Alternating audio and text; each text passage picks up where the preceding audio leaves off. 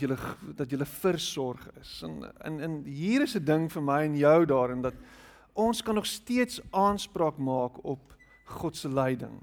Die feit dat hy met ons praat vir ons rigting wil aan aanwys. Jy jy kan aanspraak maak op sy leiding en sê Here asseblief help my. Here ek wil weet waartoe nou en hoe nou en wat nou.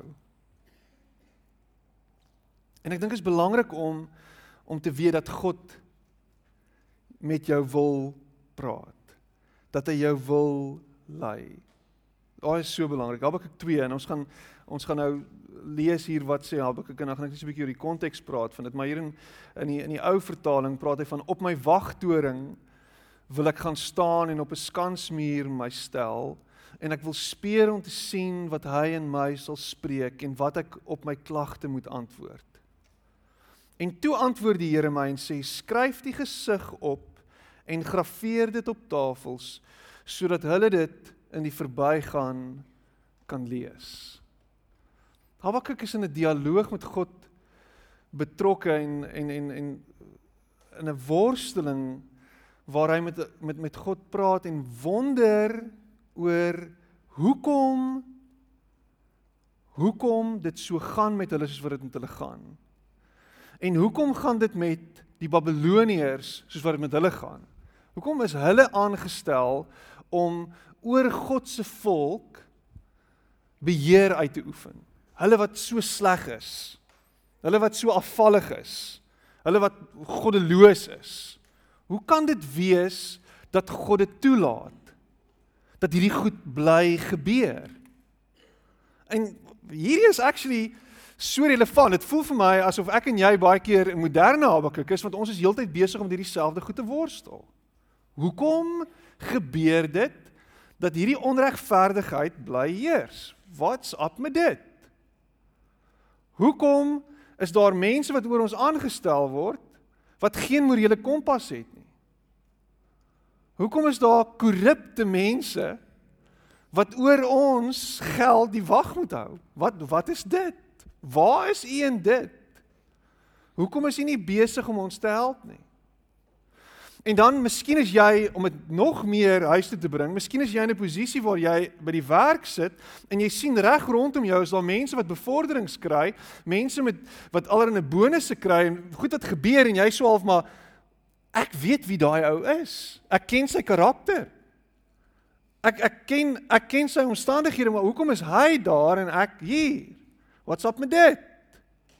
Hoekom is hierdie ou wat so strawwe roker is en so strawwe drinker is, blakend gesond en ek sukkel in my eie liggaam met siekte? Jy kry mense wat vir dekades lank rook en dan gaan hy dood op 110 en jy twee sigarette gerook en jy kry emfyseem.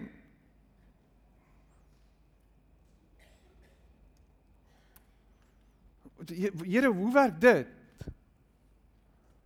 En dit voel vir jou asof die Here doodstil is rondom dit. Waar is die Here se stem in dit? So kom ons kyk bietjie hierna. En ons ons hoor bietjie wat wat wil die Here vir ons sê? Want hy het iets te sê daarop. Ons kan gaan na die volgende slides toe. Uh, Andrei, baie dankie. Was hoe om te vra verleiding is 'n is 'n vraag wat wat ek dink belangrik is en en ek dink hier is die ultimate resep nie. Julle ken my, ek preek nie altyd volgens resepte nie. Ek is nie altyd besig met dit nie, maar hierdie is net 'n bietjie gestruktureerdheid rondom gedagtes. So hoe om vir sy leiding te vra is daar daar's voorvereistes. Ek dink jy dis nie al van die omega nie. Maar gaan worstel bietjie hiermee. Ek dink die eerste ene is om regtig te besef dat God belangstel in die detail van my lewe. Kan jy dit glo? Kan jy glo dat God belangstel in die detail van jou lewe? Nou die dag het iemand gesit en gesels en die persoon sê vir my, ek glo nie dat God my lewe micromanage nie. Ek glo nie dat God 'n uh, 'n helikopter parent is nie. Ken jy daai term, helikopter parents? Helikopter parenting. Die van julle wat kleintjies het en die van julle wat nou kleintjies gaan hê, dis wanneer jy die hele tyd by jou kind staan en seker maak alles is oukei. Okay. OK? En as jy jou eerste een het, dan is dit hoe jy is. Moenie val nie. En dis dis verstaanbaar, die lewe is onveilig, die wêreld is 'n onveilige plek. Gister by 'n kinderpartytjie en twee seentjies is op 'n trampolien besig in WWE en die een is besig met die ander een.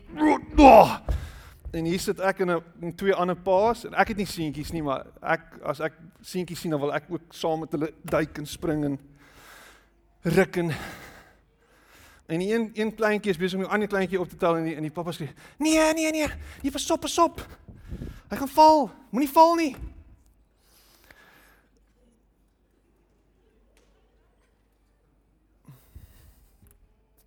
Moenie rugby moenie rugby speel nie. Dit gaan nie werk vir jou nie. Dis nou natuurlik nou ek is vreeslik melodramaties en ek verdramatiseer dit en oordramatiseer dit natuurlik, maar Ek glo God is bewus van elke liewe detail van ons lewens. Ek glo nie hy's 'n helikopter parent nie. Wat ek wel glo van hom is dat hy belangstel in dit wat aangaan in jou lewe. En dat hy en ek sien dit in my eie lewe rarig wil hê dat dit met jou moet goed gaan. Ek glo dit. Daar's by my geen twyfel dat God wil hê dat dit met jou moet goed gaan nie. Geen twyfel nie. Maar God is nie 'n papeteer en 'n marionetbeheerder operateur wat heeltyd strings trek om jou hier en daar en oral af te kamp nie. Dis nie hoe God werk nie. Hy los jou om besluite te neem. En wat hy doen is hy gee vir jou die tools deur sy stem om te sê kyk uit vir dit, watch vir dit, pas op vir dit. En hy los jou. Die vraag is wil jy dit hoor? Wil jy dit hoor. Matteus 6 vers 31 tot 33. Daarom moet julle julle nie kwel en sê wat sal ons eet of wat sal ons drink of wat sal ons aantrek nie, want na al hierdie dinge soek die heidene, want julle hemelse Vader weet dat julle al hierdie dinge nodig het. Hierdie hierdie hierdie vers breek my brein want as ek luister na meeste mense se gebede, is meeste mense se gebede om te vra vir die Here vir iets, vir nog goed vir dit of vir dat. Ons is al ewig besig om ons versoeke te bring. Ons is al ewig besig om te vra asof God 'n hemelse slotmasjien of 'n ATM is wat net vir ons moet gee. Die heeltyd vra ons. Dan sê hy, moenie soos 'n heiden wees nie. Moenie hierso gaan op dit for tat nie. Dit gaan nie oor jy doen dit en ek doen dat nie. Hy sê ek weet wat jy nodig het. Ek weet wat jy nodig het. Ek is julle pa, ek sorg vir julle. Ek weet wat my kinders nodig het. My vrou weet nog meer wat hulle nodig het. Ons weet wat hulle kort kom. God weet. Jy hoef nie die hele tyd te vra nie.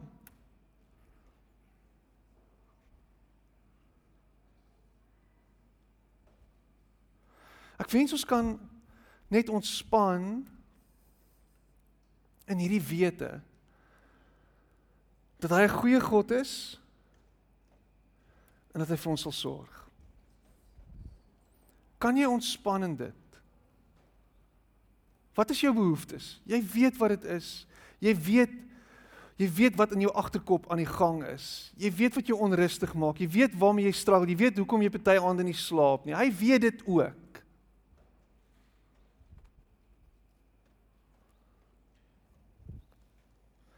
En hy stel belang in die detail van jou lewe.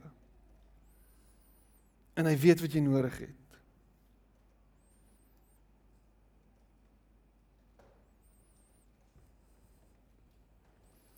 Die tweede een is om spesifiek te vra. So, dis nie 'n weerspreking nie. Maar wanneer jy vra wees spesifiek meer as 20 keer in die Nuwe Testament praat die skrywers van God wat sê ons moet vra. Jakobus 1 vers 5. En as iemand van julle wysheid kort kom, laat hom dit van God bid wat aan almal eenvoudig gee sonder om te verwyd en dit sal aan hom gegee word. Om na God toe te kom en te sê Here help my om te onderskei. Help my om goeie besluite te neem. Daai wysheid. Here, wat moet ek doen? Here, hoe moet ek dit doen? En dan sê hy sonder verwyd sal hy kom en hy sal vir jou antwoord. Hy sal vir jou gee wat jy soek. Om met God te praat oor alles in jou lewe is om in in in hierdie dialoog met hom betrokke te wees. Om heeltyd alles te kommunikeer. Ek ek dink in vriendskapsverhoudings is ons geneig om van onsself te deel met ander. Vir ander iemand anders te sê, "Jesus, ek struggle met dit" of uh, jy weet dink aan my vir dit en ons gaan deur 'n moeilike tyd. My kind is siek. Hier is ek siek. Ek voel nie lekker nie. Ons my ma is siek. Ons praat met mekaar. En om na God toe te kom om dit te doen en te weet hy luister. Want jy is in verhouding met hom. Hy is nie net hierdie ding wat vir jou gee nie. Hy is nie net hierdie kosmiese idee nie. Hy is nie net die univers nie. Elke nou en dan hoor ek iemand sê die univers was goed vir my gewees. Dink ek God is die univers en hy's groter as die univers. Hy's groter as alles, maar hy's 'n persoon. Ek kan in verhouding met hom wees. Ek kan na hom toe kom met met alles. Maar dit is nie net omdat ek hom soek vir wat hy vir my kan gee nie. Dis omdat ek met by hom kan wees net soos wat ek is.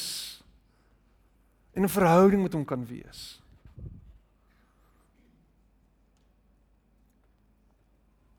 Dit is interessant dat God weet wat jy wil hê. In Matteus 6 praat daarvan hy weet wat jy nodig het, maar die ironie is daar's daar's hierdie behoefte by hom en ek en ek verstaan dit nie altyd nie. Kan dit nie verklaar nie. Maar God het 'n behoefte na my en jou. Hy het 'n behoefte dat ons sal vertrou op hom. Hy het 'n behoefte dat ons sal verbaliseer. 'n behoefte dat ons by hom gaan sit. Daar's by my 'n behoefte dat by my dat my kinders naby my wil wees.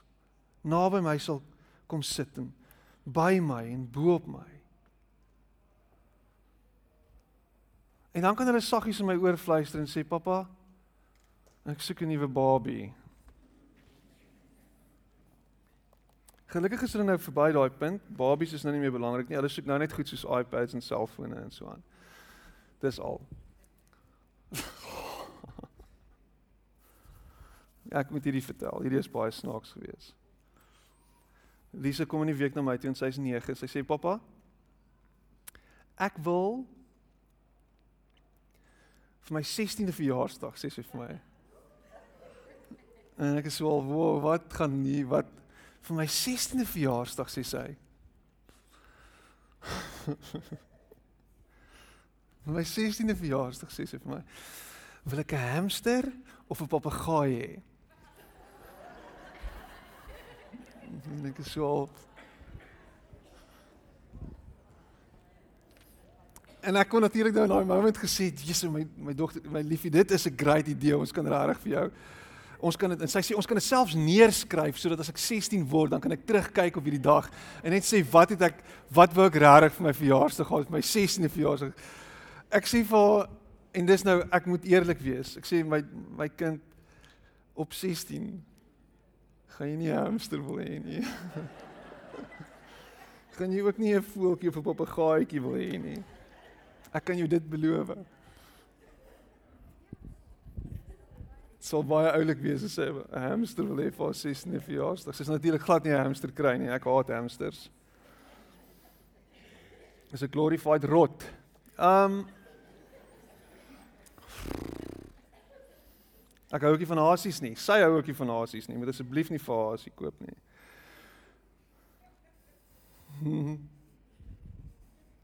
Sy was baie spesifiek geweest, so miskien moet ek haar hou by haar versoek en vir haar hamster koop vir haar 16de verjaarsdag. Die derde ding is om spesifiek na spesifiek wees is om is om regtig te weet en te glo dat hy wil antwoord. As iemand van julle wysheid kort kom, laat hom laat hom dit van God bid wat aan almal eenvoudig gee sonder om te verwyd en dit sal aan hom gegee word. Maar hy moet in die geloof bid sonder om te twyfel, want hy wat twyfel is soos 'n golf van die see wat deur die wind gedrywe en voortgesweep word. Die die die die ding van die twyfel waarvan hy hier praat, is nie die twyfel is nie die twyfel of dit sal gebeur nie. Dis nie die twyfel van dit nie. Dis nie dis nie 'n twyfel om te dink uh uh waarmee is ek nou besig? Is ek besig om my tyd te mors nie? Dis dis dis nie twyfel of hy gaan antwoord. Want wat baie keer gebeur is is hy luister in elk geval nie na my nie. Hy gaan in elk geval nie antwoord nie. Hy gaan in elk geval nie hoor wat ek sê nie. Hy stel in elk geval nie belang nie. En dis baie keer omdat ons allerhande preconceived idees oor God het en en en goed wat dalk gebeur het in die verlede en nou op grond van dit het ons 'n opinie. Maar dan weer die vraag is en dis dis eintlik interessant, hoekom sal jy bid as jy twyfel? Dis die laaste ding wat jy doen as jy twyfel, is om te bid. So hierso is dit. As jy bid en wanneer jy weer bid en wanneer jy weer tyd maak vir dit, glo dat hy actually gaan antwoord. Kan jy asseblief met 'n stuk selfversekering na hom toe kom en sê Here, ek weet U gaan my antwoord. Ek weet U hoor my as ek praat. Here, en ek vertrou dat U op die regte tyd sal deurkom vir my. Kan dit dalk jou ingesteldheid word? Daar's 'n stuk verwagting by jou. Wat is jou verwagting? Is daar 'n verwagting dat God met jou gaan praat? Is daar enigsins 'n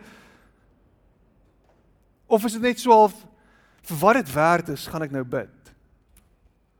En dit voel vir my baie keer asof mense dit as 'n laaste resort tipe van uitweg sien om om om om om met God te probeer kommunikeer of in gesprek te tree asof asof 'n 'n laaste uitweg. Miskien moet ek bid.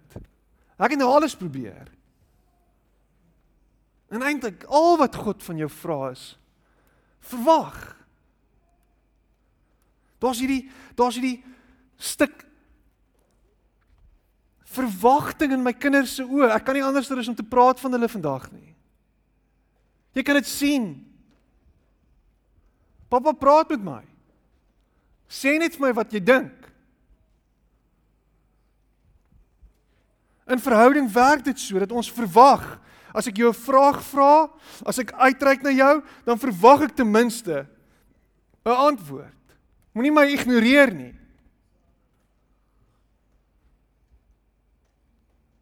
God ignoreer ons nooit nie.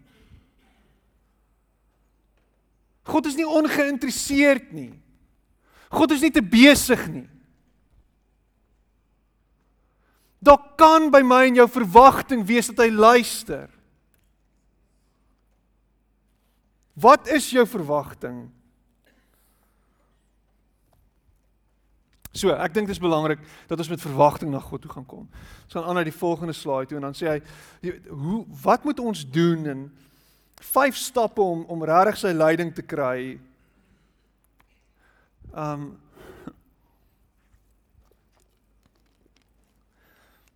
En ons gaan volgende week gaan ons begin met 'n tyd van van gebed, 'n week van gebed en ek kan nie wag vir dit nie. Ek dink daar's iets wat gaan gebeur, klimaatsverandering in ons gemeente, daar's 'n verdieping wat op pad is vir ons wanneer ons as gemeente saam die Here se aangesig soek en saam onttrek. Want die eerste die eerste ding wat ons moet doen is eerste stap na God se leiding is om te onttrek, om alleen te wees.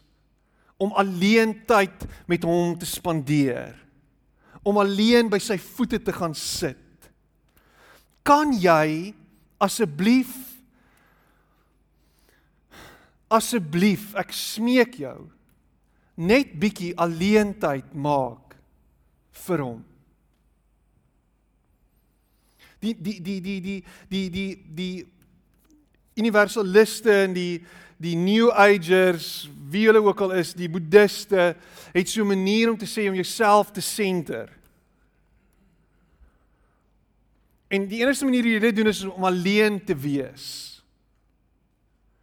Maar dis dis 'n dis 'n verwronge ding wat wat wat hulle saam met hulle vat want dit is swaalf dis om alleen te wees met jouself alleen alleen net jy en jy en jy niemand anders nie want daar is niks anders nie. Maar in ons geval is dit om alleen te wees met jou in sy teenwoordigheid by hom. Jy's baie keer alleen met die burger. Jy's baie keer alleen met jou Netflix app. Jy's baie keer alleen met jou boekie. Jy's baie keer alleen met iets, met jou selfoon, wat dit ook al is, alleen. Maar wanneer laas was jy alleen met hom gewees? Om alleen te wees. Nie so sê Habakuk dit, hy sê op my wagtoring. Daar waar ek alleen is.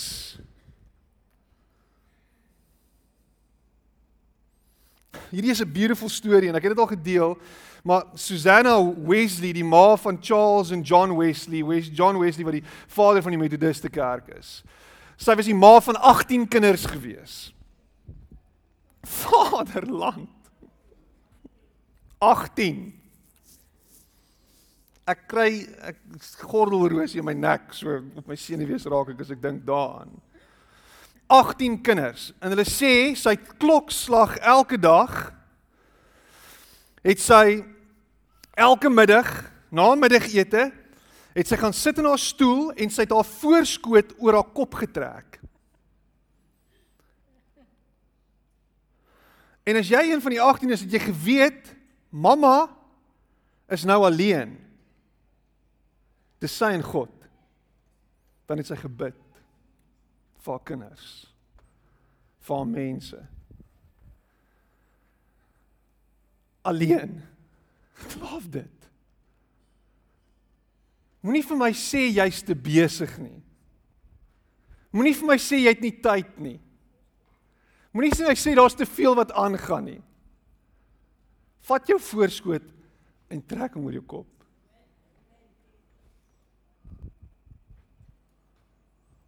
As jy nie een het nie, kry vir jou een.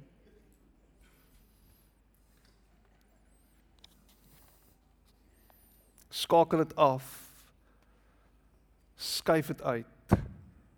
Sit dit weg. Lukas 5 vers 16. Maar hy het hom in verlate plekke teruggetrek en gebid. As Jesus dit gedoen het. Die God mens. As Jesus dit gedoen het. Die een deur wie alles tot stand gekom het. As Jesus dit gedoen het, die redder van die wêreld in sy menslike vleeslike bestaan moes hy uitgaan en unplug.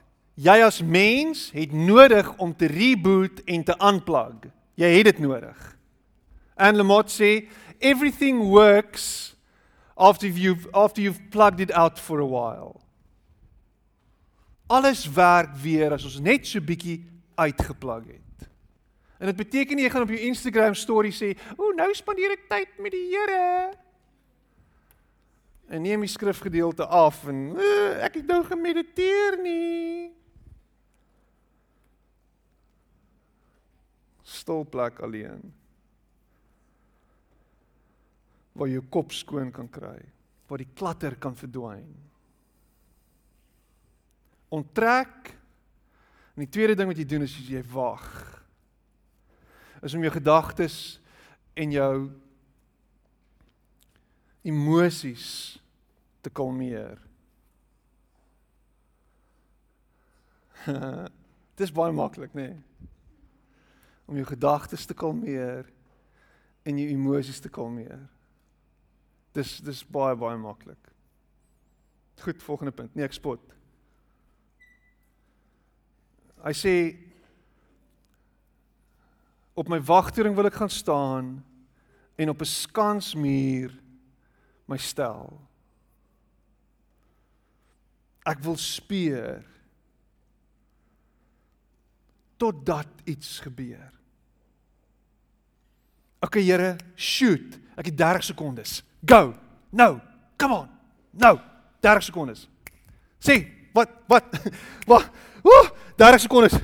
Come on, praat, praat, praat.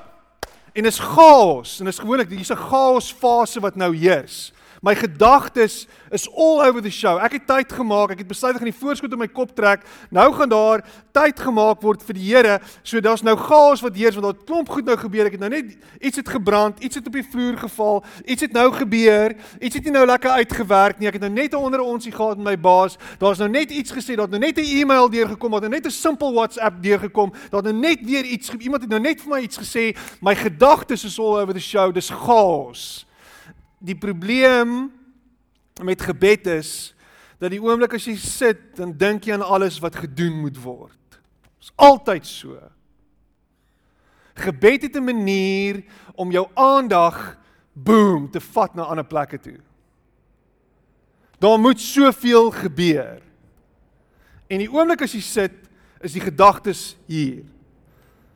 En dan sê hulle wat jy doen is as hy kom, dan los jy hom. Dan kom die volgende gedagte, dan los jy hom. Dan kom die volgende gedagte, dan los jy hom. En so is jy besig om jou gedagtes reg te maak vir God se stem. Bill Hybels, bekende pastoor van Willow Creek in Amerika,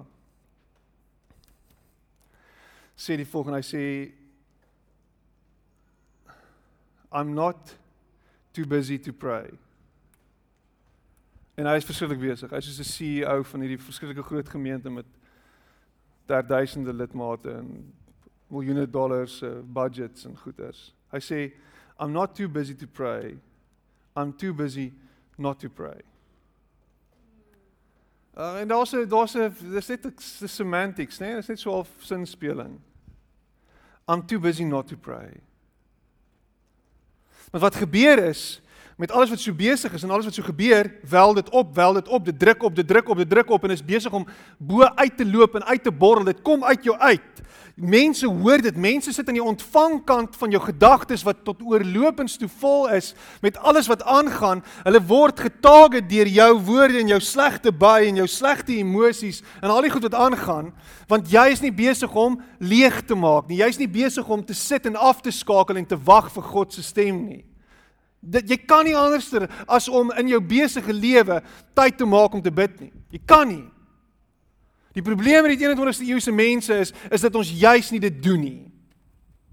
Jou lewe is 'n gemors. Jou lewe is die mekaar. Alles is 'n gemors. Want jy bid nie.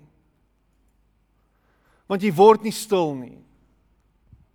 Self-care is nie om in die bad te gaan sit met 'n glas wyn of gin and tonic nie. Ons moet hierdie postmoderne manier van self-care en ons moet aanplag en ons moet al hierdie goedjies doen en dan een van die goedes wat vrouens altyd op Facebook sê, lyk like dit my, is om dan 'n glas wyn te gaan gooi en in die bad te gaan sit alleen en jou deur toe te trek en so aan. Self-care is om te bid. Die belangrikste ding wat jy kan doen. Die ander goed is add-ons. Om alleen in 'n in 'n bad te gaan sit met 'n glas wyn, nothing wrong with that. Maar dit kan nie jou primêre manier van aanplak wees nie. Jou primêre manier van aanplak moet wees om te sit en te wag op die Here. Daarvoor moet jy alleen wees, daarvoor moet jy stil word, daarvoor moet jy diep asemhaal en al hierdie gedagtes laat gaan.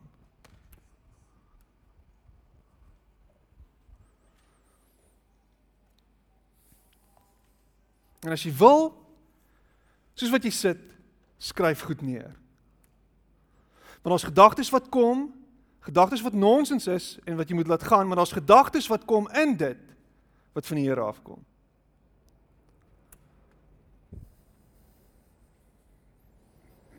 Baie mense kom nie verby hierdie fase nie. Want of nog 'n struikelblok, as die gaal struikelblok, dis hierdie verskriklike goed. En dan is daar die negatiewe emosies. Terwyl jy besig is om dit te doen, terwyl jy besig is om te wag op die Here, kom hier al hierdie negatiewe goeders by jou op. Al hierdie slegte goed wat jy gedoen het. Al hierdie slegte goed wat wat deel is van jou. Al jou mislukkings. Al die slegte gedagtes. Al die failings waar jy as ouers sleg opgetree het. Waar jy uitgelash het, waar, waar iets gebeur het. Waar jy iemand iets toegesnou het. Waar jy weer van die waar afgeval het. Al jou sondes. En al wat gebeur is, jy fokus op jou foute in plaas van God se liefde. So as jy deur die chaos fase gestruggle het, nou as jy by die slegte plek van negatiewe emosies, ek is nie werd en waardig om in God se teenwoordigheid te wees nie. Dis eintlik wat nou gebeur. Ek is nie goed genoeg om hier te wees nie. Wat het ek enigstens met die Here te doen nou? Wat het ek enigstens vir die Here nou te sê? Wat is dit dat ek nou enigstens by hom kan kom sit en net kan wees? Ek moet my sondes bely. En al wat die Here van jou vra is, vergeet van daai goed soos wat ek vergeet het van dit en kyk na my en hoor my liefdevolle stem en ervaar my liefdevolle omhelsing in hierdie oomblik. As jy weer gaan sit en wag, hoor wat God vir jou sê oor hoe lief hy jou het. Enige iets anders wat jy hoor is nie van hom nie. Dis nie van hom nie. Dit wat God vir jou sê is my kind, my seun, my dogter, ek is lief vir jou. Dis wat hy vir jou sê. Dis niks anderster nie.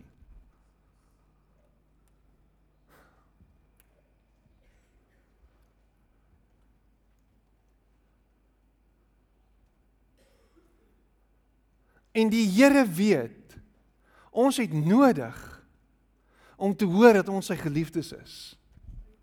Want daar's soveel stemme wat praat en vir ons sê wat 'n slegte goed ons is en wat 'n mislukkings ons is. Daar's soveel stemme wat vir ons sê ons is nie goed genoeg nie.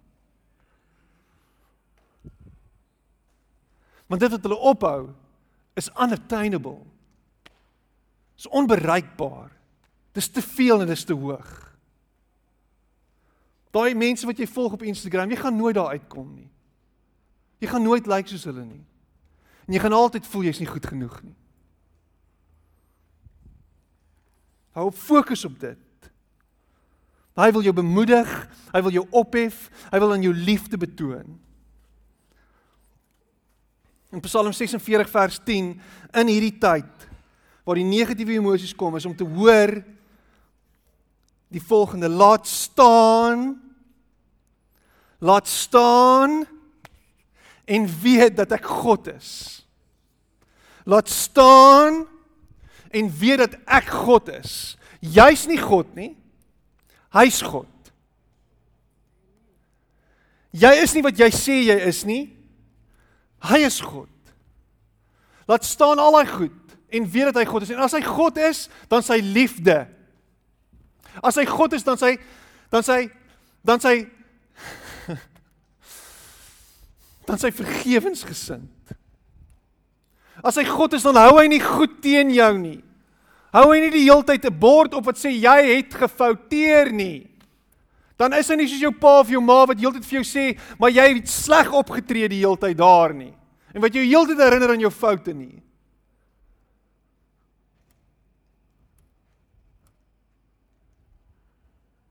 Jy is nie dit nie. Jy is wat hy sê jy is. Be still and know that I am God. En as hy God is, dan ontvang hy jou net soos jy is. Dan is jy welkom net soos jy is. Psalm 62 vers 5. Wees net maar stil tot God, my siel, want van hom is my verwagting. Wees net maar stil tot God, my siel, want van hom is my verwagting. My siel, my emosies, my goed, alles wat hier aangaan hier binne, alles, alles, alles, alles. Wees stil. Spreek tot jou siel en sê in Jesus naam word stil want hy's God.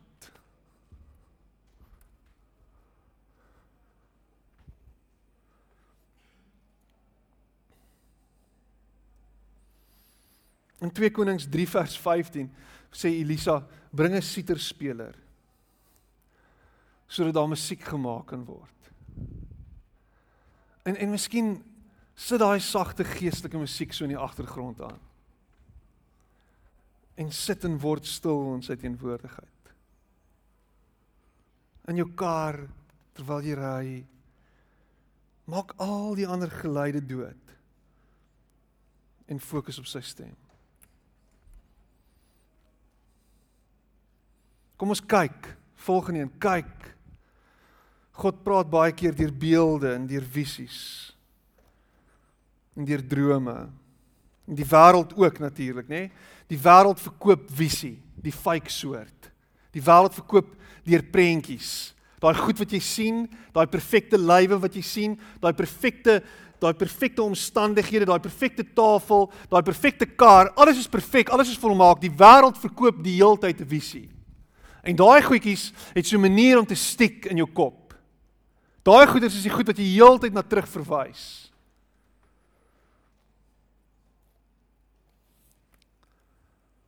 En ons sien onsself en ons leef onsself in dit in. As dit maar net ek was. As sy maar net myne was. As hy maar net myne was. As dit is hoe dit kon wees vir my. As ek net dit kon vermag. As ek net daar kon wees, as ek net hierheen kon gaan op vakansie. As dit net my beach house kon wees, as dit net my vliegtyg kon wees, as dit net my kar kon wees, as dit net my huis kon wees of wat ook al. Jy sien jouself daarin. En die beeld wat God wil hê jy moet sien is hoe hy jou sien. Ek gaan dit net gou weer vir 'n oomblik sien.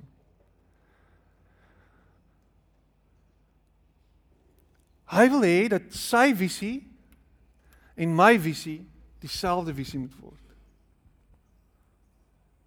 Hy wil hê ek moet sien soos hy sien.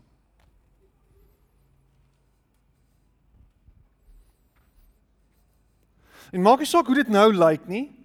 Hy sien altyd hoe dit kan wees. Hy sien altyd die potensiaal. Hier's 'n vallei vol droë bene. Maar die uiteinde is hoe daai bene bymekaar kom en hoe daar vleis aangesit word en daar spiere aangesit word en hoe hulle lewe. Sê God will make a way where there seems to be no way. Hy sê ek sal in in in in in die woestyn sal ek sal ek riviere maak waar daar lewe sal sal kom, waar die water sal vloei en daar daar nuwe lewe sal opspring. God sien God sien altyd anders as ek en jy. Hy sien altyd met met met met met met met nuwe oë. Altyd in in die, in die sin van dood en opstanding. Death and resurrection. Hy sien jou altyd in jou verreëse toestand. In jou nuwe menslikheid. Dis hoe jy jou sien. Hy sê dis hoe ek jou sien. So dis tyd dat jy jouself ook so sien. Dit beteken al hierdie gemors wat jy saam met jou sleep, los dit agter, gooi dit af, sny dit af en hou vas aan hierdie nuwe goed. Dis hoekom ons sukkel met sonde in ons lewe, al hierdie gemors wat ons saam met ons saamtrek. Dis hoekom jy nie kan ophou drink nie. Dis hoekom jy nie kan ophou drugs gebruik nie. Dis hoekom jy nie kan ophou porn kyk nie. Dis hoekom jy nie kan ophou om lelik te wees met ander mense nie, want jy dink dis wie jy is. Daar is nie hoop nie. En God sien jou soos wat hy jou sien. Heeltemal redeemed. Nuut gemaak. 'n Nuwe skepsel. Sy beeld sy beeld. As jy daai kleintjie vashou. En daai eerste paar maande is hulle hulle lyk soos gedroggies baie keer, nê? Glad nie mooi nie. Dis 'n grap.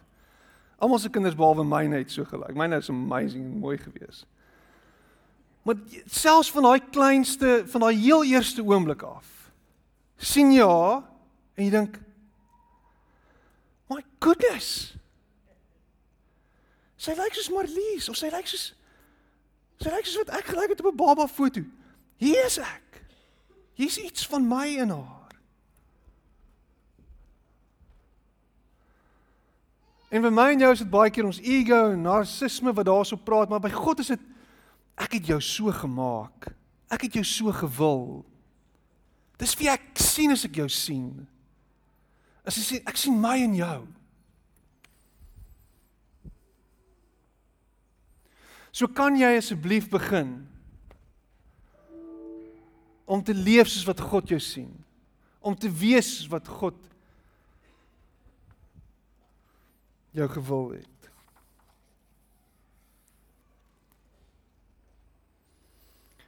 Nog iets skryf. Kan jy asseblief skryf? Kan jy asseblief neerskryf? Kan jy moeite doen en gaan neerskryf en in die, in die, die Here sê vir Habakuk gaan skryf neer sodat mense dit kan sien. Nie net mense nie, maar jy jouself ook. Om jouself te gaan herinner aan wat het die Here vir my gesê. Om neer te skryf terwyl jy bid met bepaalde voordele. Dit hou jou gedagtes gefokus. Jou gedagtes dwaal minder. Dit help jou onthou. Wat het jy gesê? Wat het God gesê? Dit help jou om te toets aan die gedagte. Jy het iets neergeskryf en jy gaan revisit dit later en sê, "My goodness. Dit was so. Dit was die Here wat met my gepraat het. Dit het gebeur." Of iets het gebeur. Ek het iets gehoor in in die preek. Ek het iets gehoor wat iemand vir my gesê het. Dit voel vir my dit was die Here wat dit met my gedeel het en ek skryf dit neer en ek kan gaan terugkyk daarna en sê, "Wow. Kyk wat het gebeur."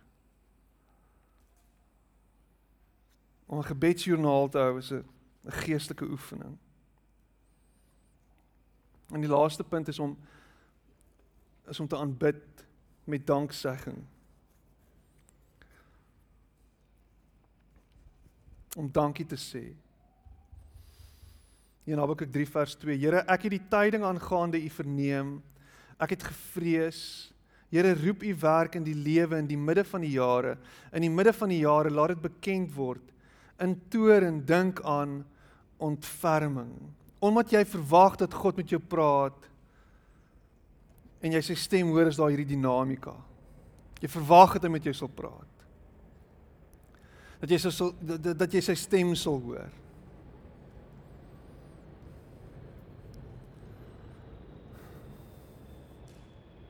Wanneer ons so bymekaar kom en ons aanbid, is daar altyd 'n element van van danksegging.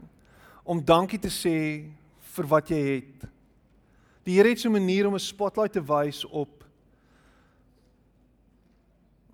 kyk tot waar ek gekom om 'n spotlight te te hou en en ons te herinner aan hoe ver ons gekom het. Ons te herinner dat ons nie meer is wat ons was nie. Ons te herinner aan goed wat hy vir ons gedoen het wat wat ons dalk nie eens gevra het nie. Goed wat hy vir ons gegee het wat net gekom het sonder dat ons gedink het dit kan moontlik wees. En om intentioneel te gaan sit en in dankie te sê is is 'n groot stuk geestelike oefening. Is 'n groot geestelike dissipline. En miskien kan jy dit beoefen deur vir mense naby aan jou dankie te sê om dit 'n bietjie meer konkreet te maak. Om dalk naby aan naby aan jou en daar waar jy dit voel waar die tek irriteer tref of om, om dalk net na jou vrou toe te draai elke nou en dan van te sê baie dankie vir wat jy vir my doen. Vir jou man te sê dankie my man vir wat jy vir my doen. Vir jou ouers te sê dankie vir wat julle vir my gedoen het. En in dit is jy besig om om indirek en by implikasie vir God dankie te sê want hy het vir jou dit gegee. Hy het vir jou almal gegee wat in jou lewe is. Alles wat jy het kom van hom af. Dis net genade. Dis goedheid en guns. So kan jy ophou rondloop asof die wêreld jou iets skuld want die wêreld skuld jou niks, nê? Nee? Die woord is boggerol. Die wêreld skuld jou niks.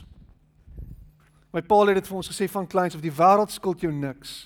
So alles wat jy het is genadegawes. So lewe bietjie meer met dankbaarheid. Raak bietjie bewus daarvan dat alles wat jy kry is net goedheid en guns. Ek het dit nou al 12 keer gesê. Kan ons meer dankbaar teenoor mekaar wees? Want as jy meer dankbaar is, gaan jy minder kwaad wees en minder aggressief wees. Want dinge loop nie soos wat dit moet loop nie, soos wat jy dink dit moet loop nie.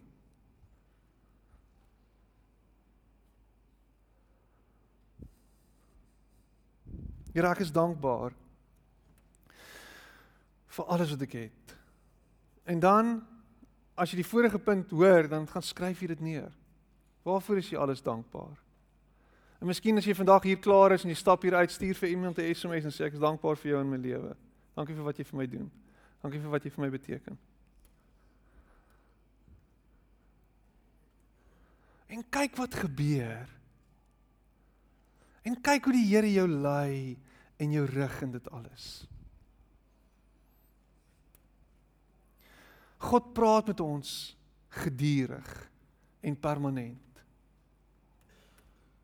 Maak oop jou oë, maak oop jou ore, maak oop jou hart.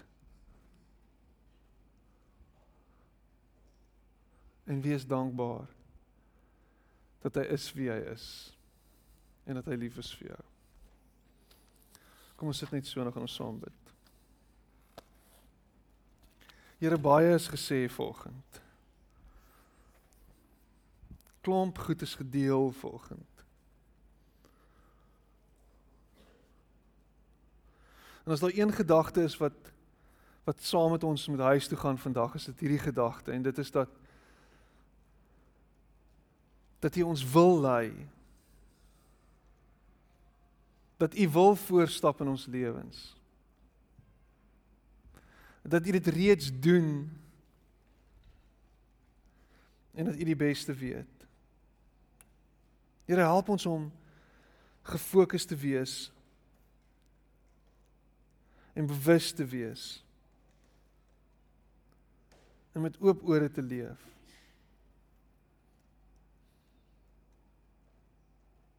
Here my gebed is dat U sal stil staan by elkeen van ons en dat U in ons harte sal fluister in ons ore. En dat ons die tyd sal maak, Here, om om stil te word. Te hoor wat U sê.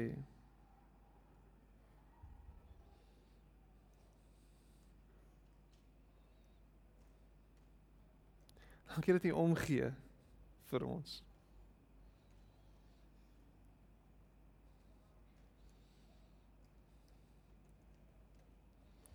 Amen.